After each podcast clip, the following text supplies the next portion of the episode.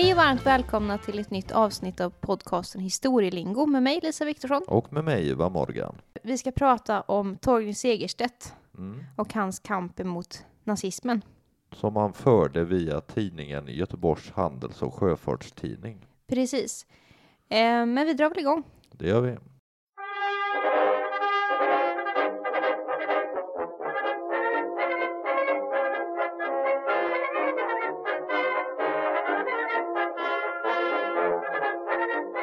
Vi börjar väl från början med Torgnys liv, med hans uppväxt. Ja, det är väl brukligt, för han föddes i slutet av 1800-talet, 1876 Mm. för att vara exakt, i Karlstad. Och vet du vem han är döpt efter? Jag vet faktiskt inte. Torgny Lagman, Mhm. den här mytologiska personen som egentligen är påhittad av Snorre, tror man.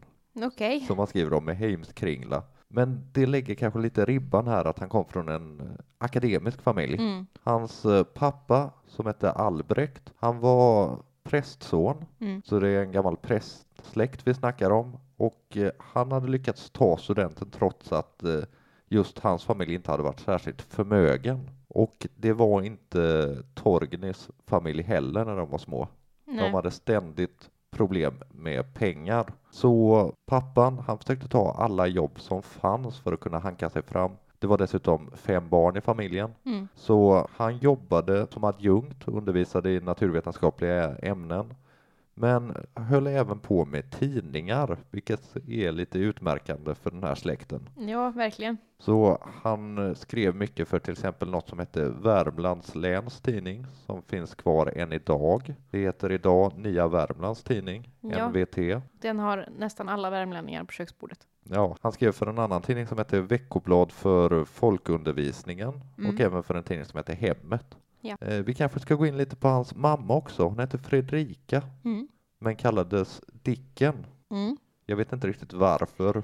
Nej, det förtäljer inte historien. Det gör inte det. Aningen udda smeknamn. Och hon var stockholmare, Ja. men hade flyttat till Karlstad som 23-åring när hon gifte sig med eh, Albrecht. Mm. Och eh, hon passade inte riktigt in i Karlstad. Hon eh, ansåg sig kanske lite för urban för livet i en småstad. Och hennes öde är inte särskilt roligt faktiskt. Hon eh, beskylldes ofta för att inte ta hand om sin familj och hon påstod sig ofta också vara oäkta dotter till greve Henning Hamilton.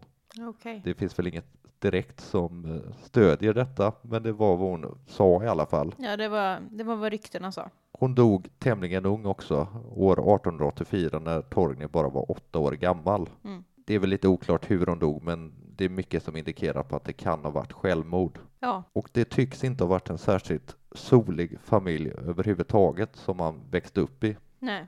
Det skulle bli mer elände. 1890 så fick hans pappa en stroke som gjorde att han hade problem med motoriken och han dog två år senare. Mm. Innan detta hade han dock gift om sig, men han hade varit notoriskt otrogen hela äktenskapet då med sin gamla fru. Ja, Och den kvinnan han gifte om sig med var syster till den kvinna som ryktet i Karlstad sa att han hade varit otrogen med. ja okej. Och hon var väldigt sjuklig hon också. Mhm. Och som jag var inne på så var det en väldigt fattig uppväxt. Torgny har senare i sitt liv sagt att han aldrig ägde någon överrock i sin barndom.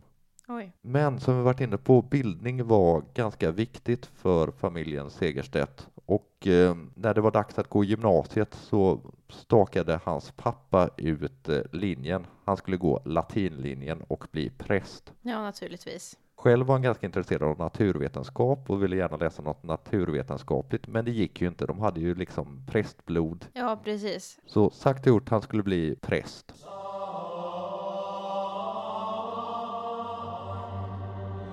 Han sägs ha varit lite av en enstöring i skolan. Mm.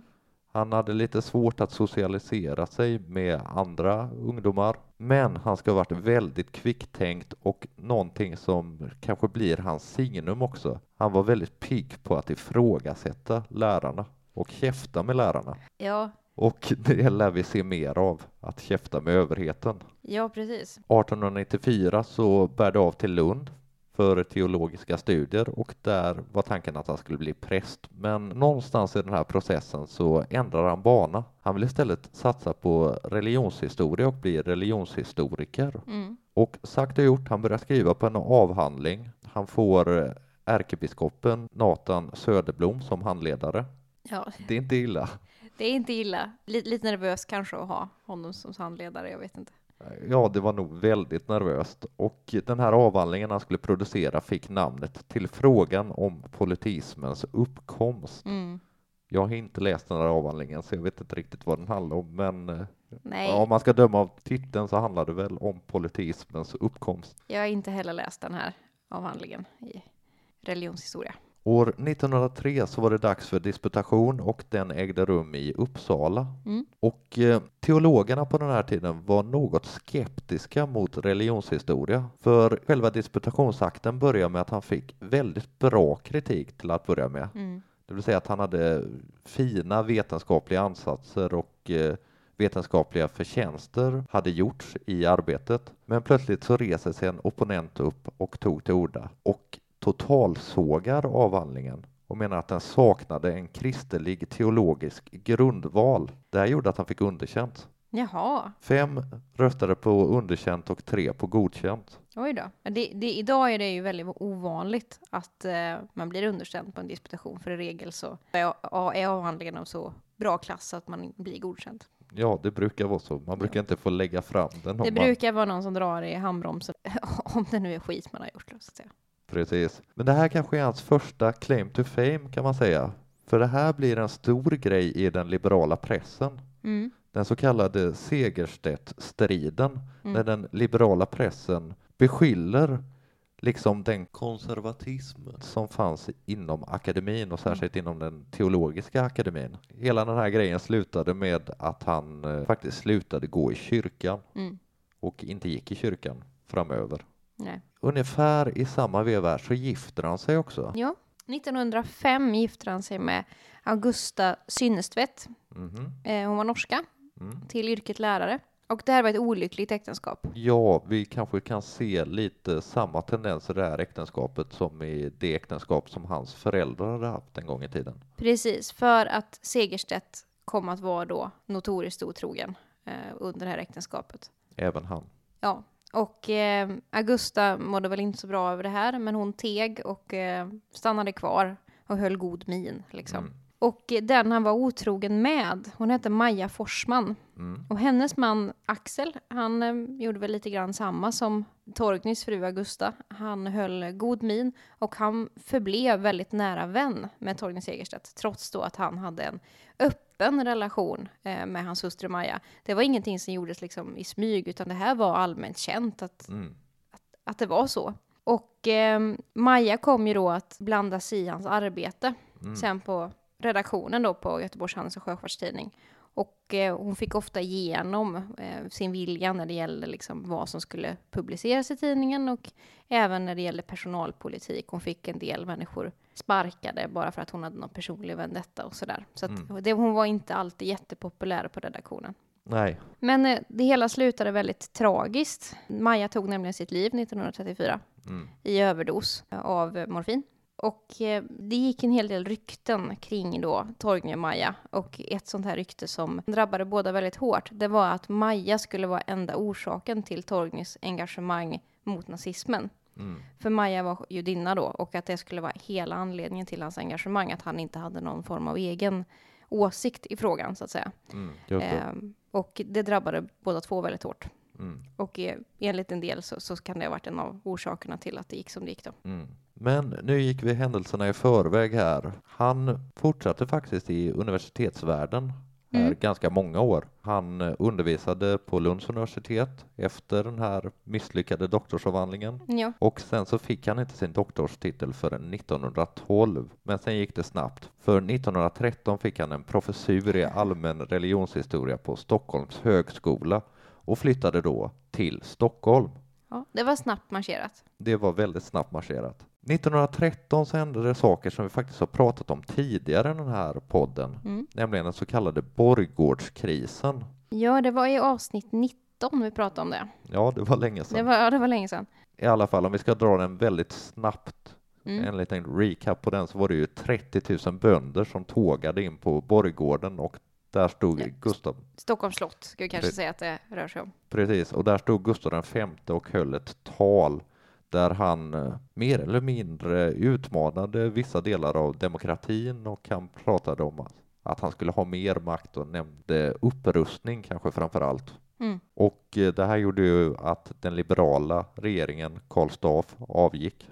Och det handlar ju liksom om vissa väldigt konservativa idéer som fick spridning. Någon som reagerade tydligt på det här var Carl Otto Bonnier, Mm. det vill säga chefen för Bonniers. Ja. Och han beslutade 1914 att han skulle ha en ny liberal tidning som skulle gå i clinch med de här konservativa idéerna. Och den får namnet Forum. Och eh, han väljer att värva Segerstedt som redaktör. Så det är väl hans första liksom, riktigt tunga tidningsjobb.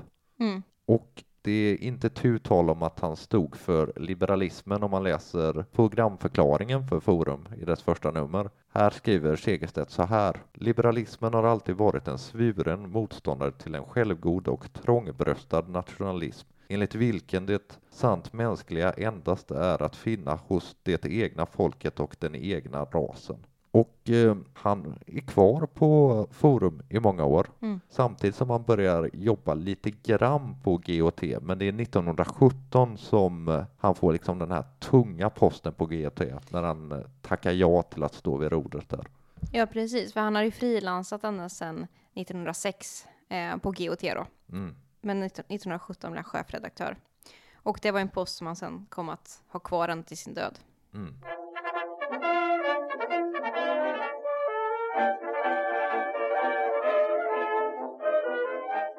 Vi har ju nämnt tidningen vid namn många gånger nu, Göteborgs Handels och Sjöfartstidning, Mm. GOT, eh, i folkmun kallad Handelstidningen. Mm. Och eh, det är ju med den här tidningen som Torgny Segerstedt är väldigt, väldigt starkt förknippad. Ja, och det är väl kanske framförallt för den här tidningen som han har gått till historien också. Eller inte tidningen, men hans verk i tidningen. Ja, exakt. Och tidningens väldigt starka ställningstagande under andra världskriget. Mm.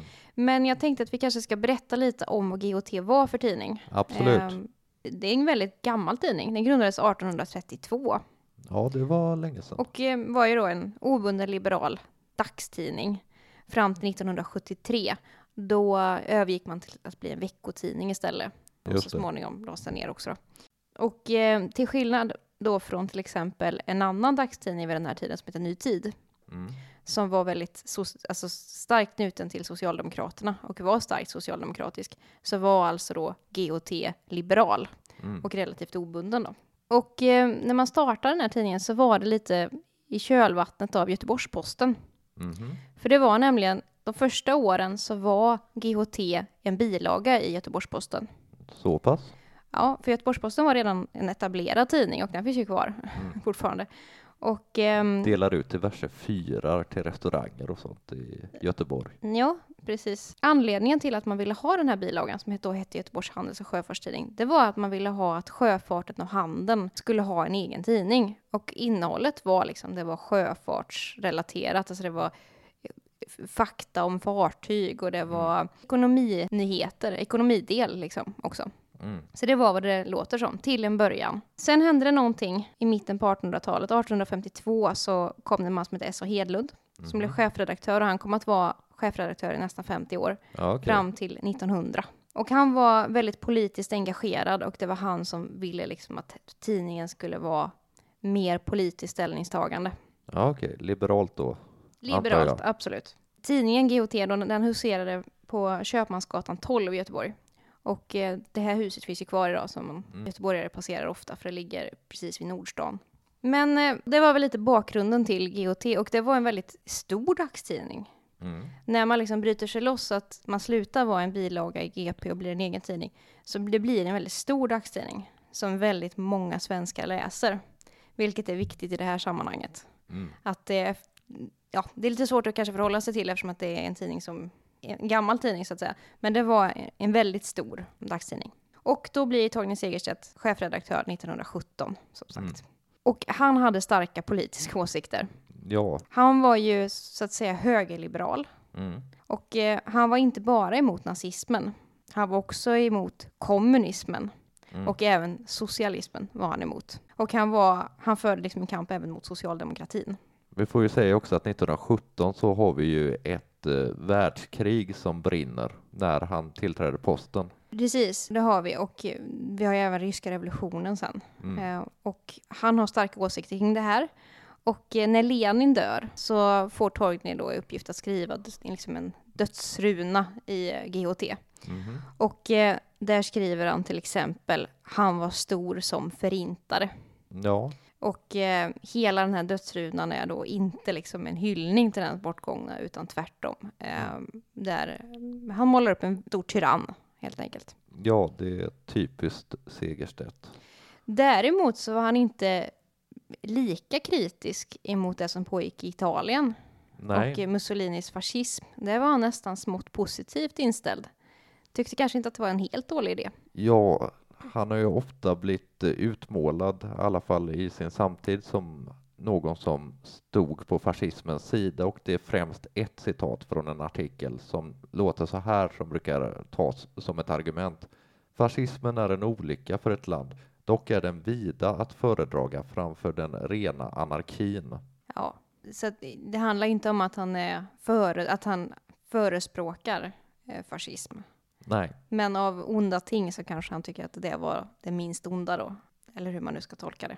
och det här var ju en stridig fråga liksom, eh, kanske framförallt sen han hade gått bort, för jag vet att han hade en son, det glömde vi nämna förut, men han fick två barn och Mm. sonen som också hette eh, Torgny, fast skriver under namnet Torgny T Segerstedt. Mm. Han skrev då en bok som hette Var Segerstedt diktatursvärmare Ja. om just det här ämnet och eh, i den boken så för han fram att visst, han eh, skrev i början lite försiktigt, ibland positivt om Mussolini, men att så fort eh, det började visa sig att Mussolini var ett problem för världsfreden så blev han ganska hård i sin argumentation. ja, precis. Så att eh, han var ju inte fascist på något Nej. sätt, Torgny Segerstedt. Men någonting han var, det var antinazist. Mm. Och eh, den liksom världsledaren som får allra mest eh, kritik av Torgny Segerstedt, det är Adolf Hitler. Mm. Och han är snabbt på det. Den 3 februari 1933, alltså några dagar efter att Hitler har kommit till makten i Tyskland, så skrev Segerstedt i GOT. Det är faktiskt en förolämpning mot allt vett att pracka på ett stort folk en styresman av denna kaliber. Och nu skulle vi alla tvingas sysselsätta våra tankar med vad herr Adolf Hitler hittar på. En kar med den uppsynen skall det offras tankekraft på. Det är oförskämt att ställa till det så. Mm. Och det här var man ju inte glad över i Tyskland. Absolut inte. Eh, och en av de mest kända nazisterna hade ju stark Sverigekoppling. Ja, vi pratar Göring nu. Ja, Hermann Göring. Och vi gjorde ett avsnitt om hans hustru Karin. Mm. Och det var avsnitt 68. Just det. I alla fall, han eh, blir arg och Mm. skickar ett telegram till eh, Göteborgs Handelsoch Sjöfartstidning där han kräver att man ska liksom be om ursäkt och man ska aldrig mer publicera någonting sånt här i tidningen. Ja, jag har faktiskt eh, ett utdrag ur telegrammet här. Ja. Och då skriver då Göring så här. Som uppriktig vän till Sveriges folk ser jag i dylika smutsiga utlåtanden en allvarlig fara för ett vänskapligt och hjärtligt förhållande de båda folken emellan. Innan vidare åtgärder vidtagas anhåller jag om underrättelse huruvida er redaktion i framtiden kommer att inskrida mot dylika yttranden. Ja, det är ord och inga visor. Absolut. Och vad gör då Torgny Segerstedt? Blir han rädd? Nej. Nej. Han blir inte rädd, utan han eh, publicerar det här telegrammet som Gö- Göring har skrivit. Mm. Och sen så ger han liksom svar på tal att jag ska inte ge mig och vi kommer fortsätta med det här. Och ni är idioter, ungefär. Det förefaller som att herr Göring trodde att Sverige vore något slags annex till det tyska folket, skriver han bland annat här. Ja, nästa attack mot Tyskland, det Mm. kommer 1936. Mm. För då ska OS gå av stapeln i Berlin. Mm. Och det har vi pratat om i ett tidigare avsnitt som heter Anno, Anno 1936. Mm. om man vill höra mer om Berlin-OS. Men eh, Segerstedt var ju en av få egentligen i svensk media som vågade gå ut med vad han tyckte. Mm. Och han var väldigt tydlig med att han tyckte att Sverige skulle bojkotta OS i Berlin. Att man skulle, man skulle inte ställa upp i OS, man skulle bara strunta i det. Absolut. Och det gjorde han ju på grund av den antisemitismen som Hitlerregimen höll på med. Han skriver så här. Vi har undandragit dem som torteras andligen och lekamligen torteras vårt moraliska stöd och eh, bugande hyllat deras plågoandar. Precis, och eh, det har han ju sina poänger i. Absolut. För att eh, det hela världen gjorde 36, det var ju att man någonstans nonchalerade den antisemitismen som rådde i Tyskland. Ja, han skriver också någonstans att det var en reklam för hitlerismen. Ja, hela, Och det var det ju också. ja, hela OS 36 var ju ett stort propagandaverk. Mm. Det är ju, många kanske sett bilder från invigningen eh, som ju är fruktansvärt obehagliga. Mm. Men sen kommer ju kriget och det bryter ut och eh, Segerstedt har åsikter om, om hur Sverige ska förhålla sig till kriget. Han vill att Sverige ska stå utanför kriget i möjligaste mån, att man ska liksom inte blanda sig in militärt på något sätt. Men man ska inte vara neutral. Nej, Och eh, det går ju liksom emot då den svenska hållningen, en svensk tiger och så vidare.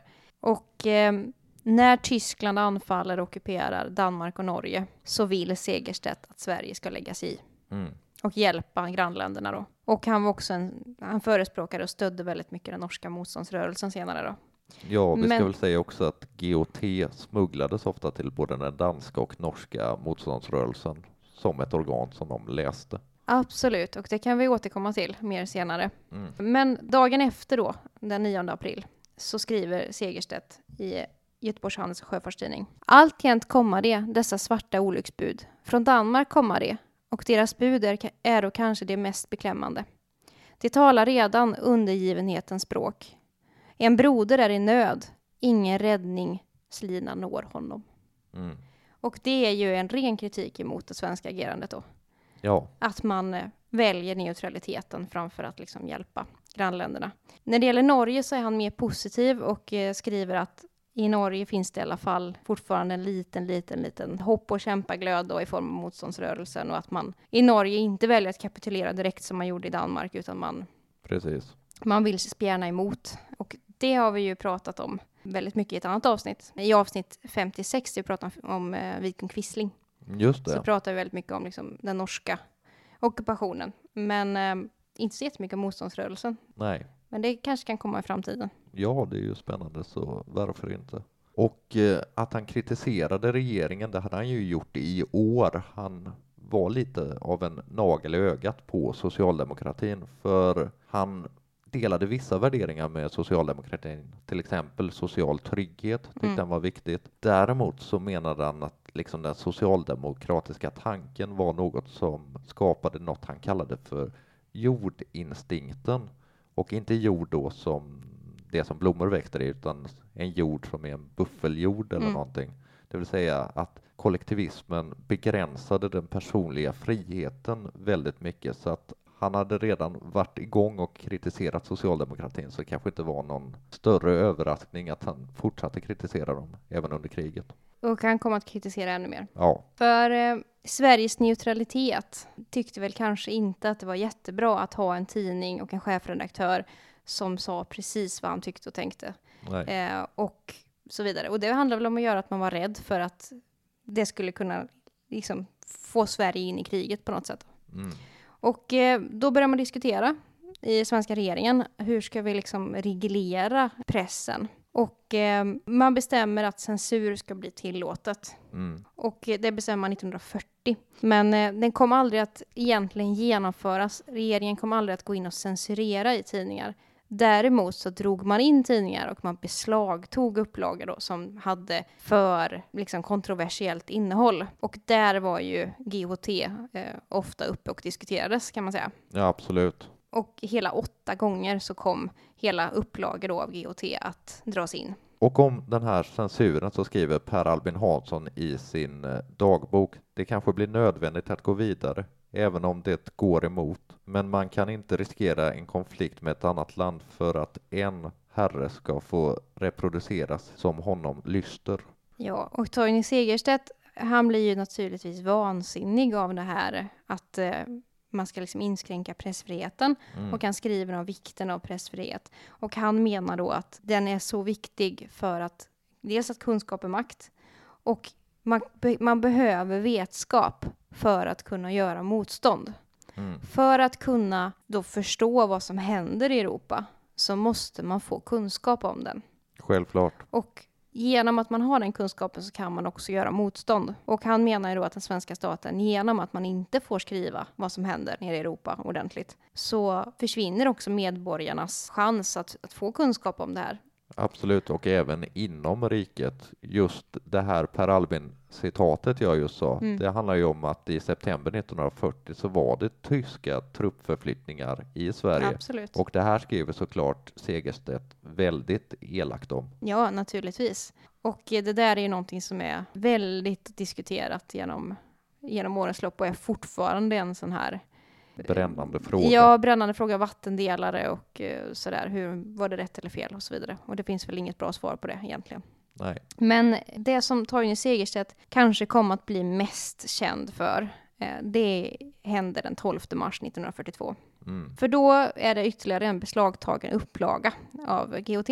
Och det som man hade publicerat, det är en... Du sa ju tidigare att det fanns ett utbyte med Danmark och Norge. Man smugglade mängder av GOT. Mm. Och det fanns även då åt andra hållet. Och man smugglade då in en artikel, en norsk artikel som handlade om övergrepp, alltså tyskarnas övergrepp i de norska koncentrationslägren. Mm. Och eh, den här publicerades inte bara i GOT utan i 16 andra tidningar också. Mm. Och eh, det här dras ju in. Den här upplagan dras in för det anses för kontroversiellt så att eh, staten tar in då, förbjuder den här upplagan.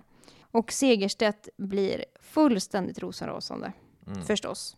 Och Självklart. han trycker på momangen en ny upplaga av tidningen den 12 mars. Och han lät rubriken stå kvar.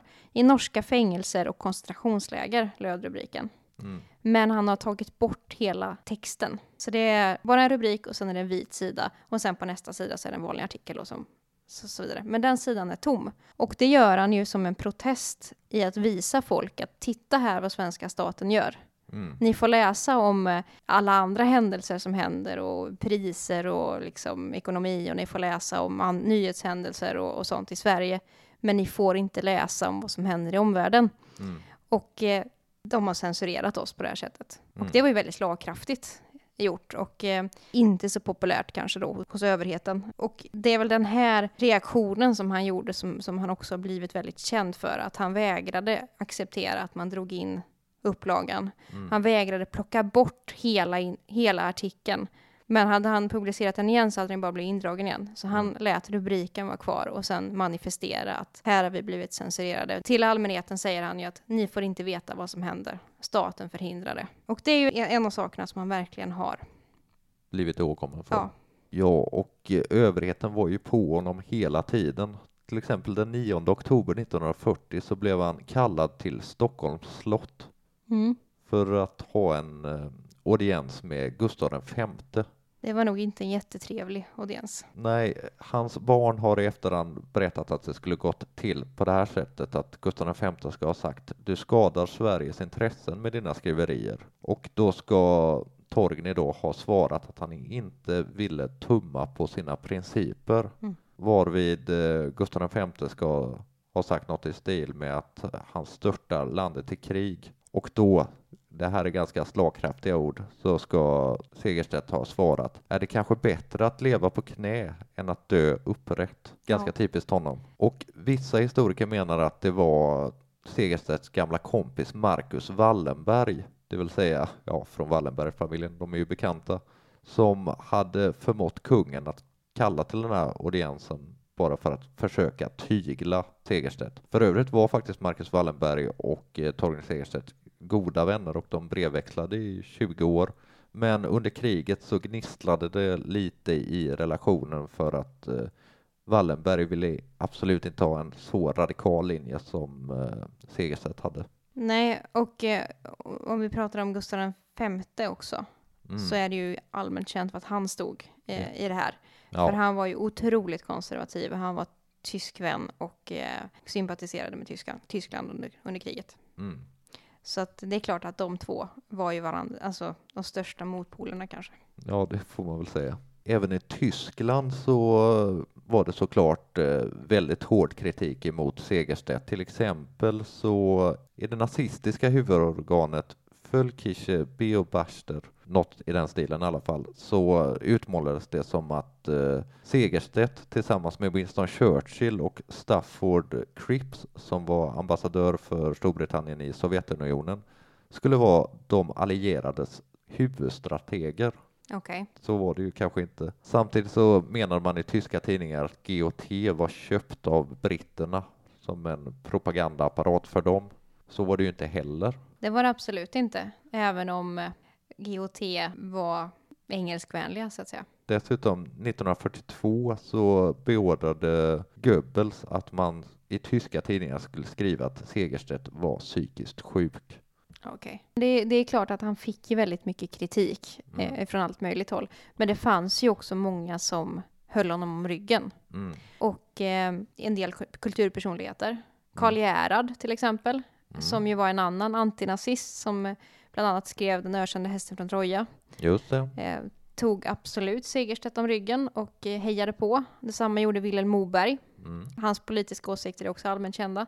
Och eh, inte minst så hade han folket med sig, Segerstedt. Mm. Allmänheten tyckte jättemycket om honom. Och som jag sa, det var väldigt mycket folk som läste GOT. Och folk ville ju veta vad som hände Självklart. runt om i världen. Folk ville inte att regeringen skulle dra in tidningar för att man inte skulle få veta. Och som det här exemplet med de norska koncentrationslägren. Svenska folket vill ju veta, för man har ju liksom vänner och bekanta och så vidare på norska sidan och man vill veta vad som händer. Mm. Man vill Så inte det att ju. det ska bli censurerat. Så att han hade hela tiden under kriget så hade han folket med sig och folk köpte GOT och folk liksom stod bakom honom. Så han var omtyckt av allmänheten och har ju fortsatt vara det efter sin död också som vi kan återkomma till. Mm.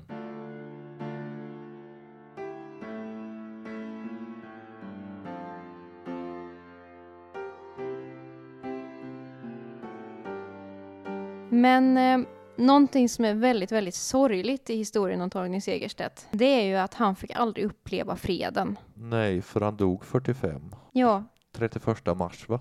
Precis. Han dog 31 mars. Han ramlade ihop på väg hem från redaktionen ett par veckor tidigare och eh, dog då Mm. eh, den 31 mars 1945. Så han fick aldrig uppleva då den här freden som han strävade efter och kämpade för. Och han är begravd på Kvibergs kyrkogård i Göteborg. Mm. Och det var ju fortfarande krig då när han dog, så att det tog ett tag innan det nådde omvärlden att Torgny Segerstedt var död. Men när det väl gjorde det så fick det eko runt om i hela världen. The Times skrev om honom. Mm. BBC hade en lång hyllning om Torgny Segerstedt där de tackade honom för hans engagemang och att eh, hans kamp för, för Storbritannien i, i kriget. Ja, vi kan väl säga om BBC också att det var inte helt ovanligt att grejer från GOT översattes och lästes upp i BBCs sändningar under krigsåren. Precis. Så att GOT hade ju, och som vi sa, den smugglades till Norge och Danmark också. Mm. Den, den nådde långt utanför Göteborg, så att säga. Mm. Och överrabbin i Sverige vid den här tiden, Marcus Ehrenpreis, Mm. han eh, skrev i samband med att eh, Torgny Segerstedt gick bort, skrev han att han var en ensam ropandes röst i öknen. Mm. Det är ganska Det- målande. Det är fint skrivet. Och som vi sa, han var populär bland folk. Eh, hans grav har varit en vallfärdsort. Mm. väldigt mycket folk som har liksom gått dit eh, och hedrat honom på olika sätt. Inte minst norrmän. Mm. Eh, det har skrivits böcker om honom. Det finns en stiftelse som heter Stiftelsen Torgny Segerstedts minne som grundades 96. Mm. Det finns en uh, spårvagn i Göteborg uppkallad efter honom som man har åkt ett antal gånger. Ja, absolut. Och det finns ett eh, monument, Mm. Just det, i Vasa. precis, eh, på Vasaplatsen. Och det är en hög obelisk. Mm. Och eh, den invigdes redan 1955. Och eh, idag finns det i entrén på Göteborgs stadshus så finns det en, en relief inmurad i väggen i entrén till Torgny Segerstedts minne. Och där står det Friheten står över allt annat. Det hade han nog gillat. Det hade han nog gillat, absolut. Sen eh, finns det ju gatunamn uppkallade efter honom. Mm. Väldigt många gator. I Norge finns det en lång, lång rad med städer som har olika varianter av Torgny Segerstedts gate eller så. Mhm. Väldigt många. Men det finns ju en, en i Oslo till exempel som heter Torgny Segerstedts väg. Och eh, han står även staty i Oslo. Mm. I Göteborg så fick han faktiskt eh, en gata uppkallad efter sig samma vår som han dog 1945. Ja, okej. Och det, det gamla namnet var Älvsborgs, Älvsborgsvägen.